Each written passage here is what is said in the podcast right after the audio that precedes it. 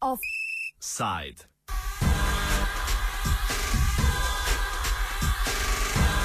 Revščina statističnih tabel.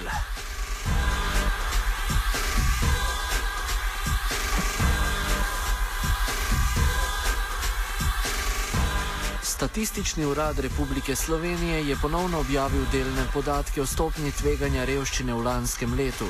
Če gre verjeti suhoparnim številkam in podatkom, je stopnja relativnega tveganja revščine v letu 2012 znašala 13,5 odstotka, kar je promil manj kot predlani. Se je pa za nič celih 3 odstotka zvišala stopnja socialne izključenosti, ki je lani znašala 19,6 odstotkov.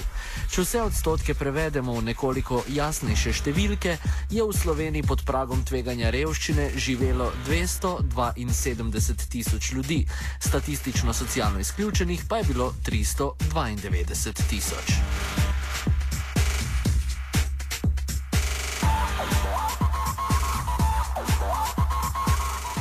Za komentar dolgočasne statistike o resni socialni sliki Slovenije smo prosili sociologinjo Srno Mandič, predstavnico Centra za proučevanje družbene blaginje.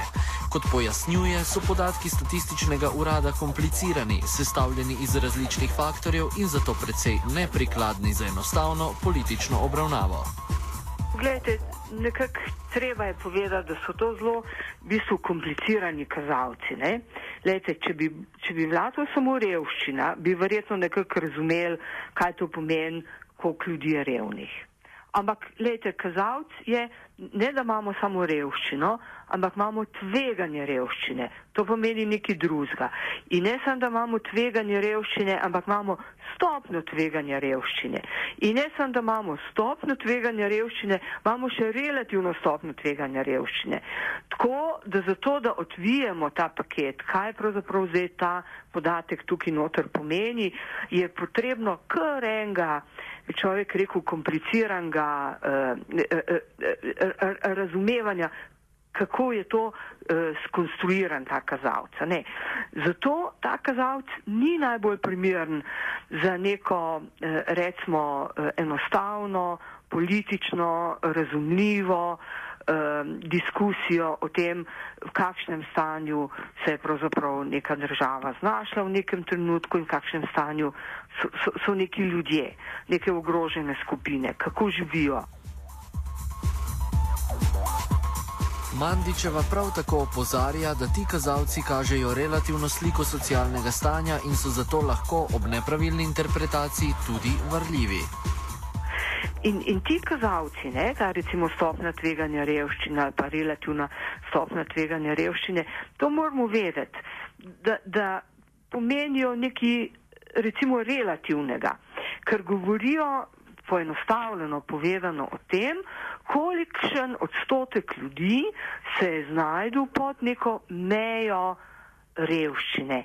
Ampak ta meja revščine je določena glede na 60 odstotkov povprečnega dohodka na odraslega in, in tako naprej. Ne?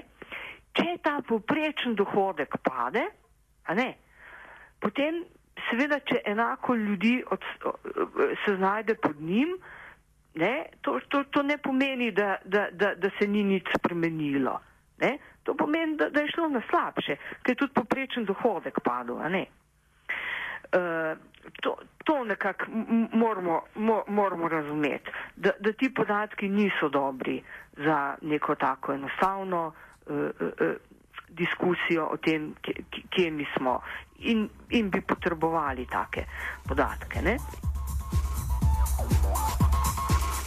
So pa zato podatki statističnega urada o revščini po mnenju sogovornice primernejši za nek splošni upogled za ugotavljanje socialnih trendov in predvsem za mednarodne primerjave. Ti podatki iz statistike so nekako primerni za nek splošen pogled, zato da mogoče neke dolgoročne trende spremljamo, so mogoče za neke druge statistične obdelave in tudi recimo za en tak zelo hitre mednarodne primerjave. ampak da bi pa tako bolj to imelo neko težo, veste, bi bilo treba recimo pogledati, kokš, kaj je s, to, s tem tveganjem revščine, ne v celotni populaciji, ampak v tistih skupinah, ki so tako v bistvu najbolj ogrožene, ker to kar največ pomeni.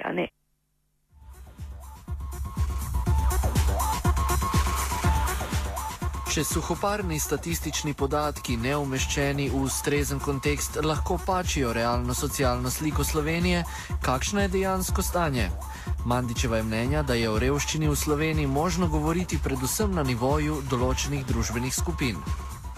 Slovenija se recimo hvali, da ima nizko tveganje revščine. Ne? Kar pomeni dvoje. To pomeni, da je zelo verjetno že medijana dohodka relativno nizka. Tako da je že ta osnova nizka. Se pravi, da tistih ljudi, ki odstopajo od te osnove, je sicer malo, ampak ta osnova je nizka, ker je relativno dohodek dost egalitarno porazdeljen. Velike razlike, bogatstvo ne nastaja na ravni dohodka, je na, na ravni premoženja in tega tukaj noter se, se, se ne, ne, ne ocenjuje. Ne? No, in ne samo to.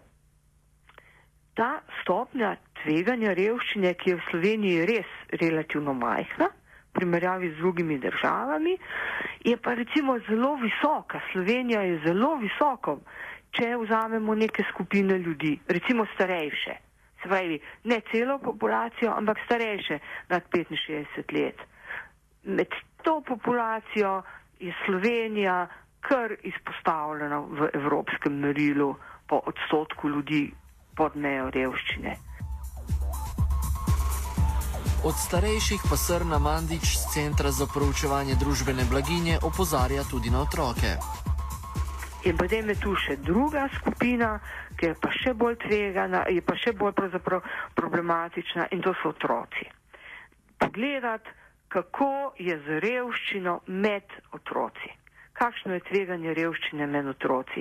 In mi smo imeli relativno dobro socialno politiko, ki je bila usmerjena v to, da vsaj otroke ne, ne kaznuje za to, če so starši zabredli v neke težave, ampak so bili, kaj se otroški dodatki, subvencije vrtcev, prehrane v šoli in tako naprej. In v to noter je ta država lani zelo močno posegla in se je revščina med otroci začela zelo močno dvigati. In jaz zelo pogrešam recimo te podatke. Offside je pripravil Nec Marcen.